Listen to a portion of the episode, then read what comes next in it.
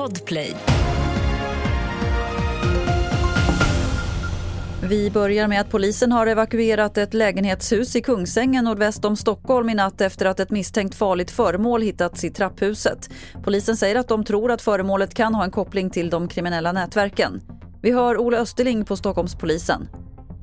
Vi har haft en insats i och runt den här fastigheten eh, i Kungsängen där eh, bombtekniker och kriminaltekniker nu har oskadliggjort det här föremålet och eh, vi håller på med en kriminalteknisk undersökning i vilken vi säkrar spår det ligger två VMA-viktiga meddelanden till allmänheten ute nu på morgonen. Ett i Örnsköldsvik efter en kraftig brand i en möbelaffär i Själevad.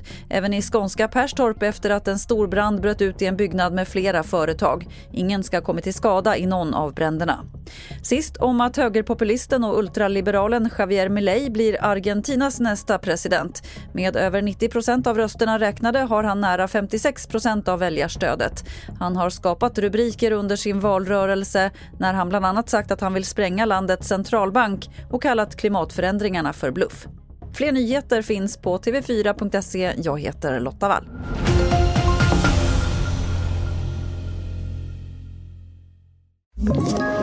Ett poddtips från Podplay.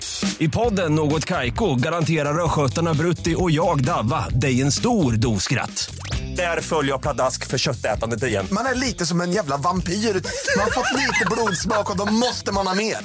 Udda spaningar, fängslande anekdoter och en och annan arg rant. Jag måste ha mitt kaffe på morgonen för annars är jag ingen trevlig människa. Då är du ingen trevlig människa, punkt. Något kajko, hör du på podplay. Därför är gardinerna.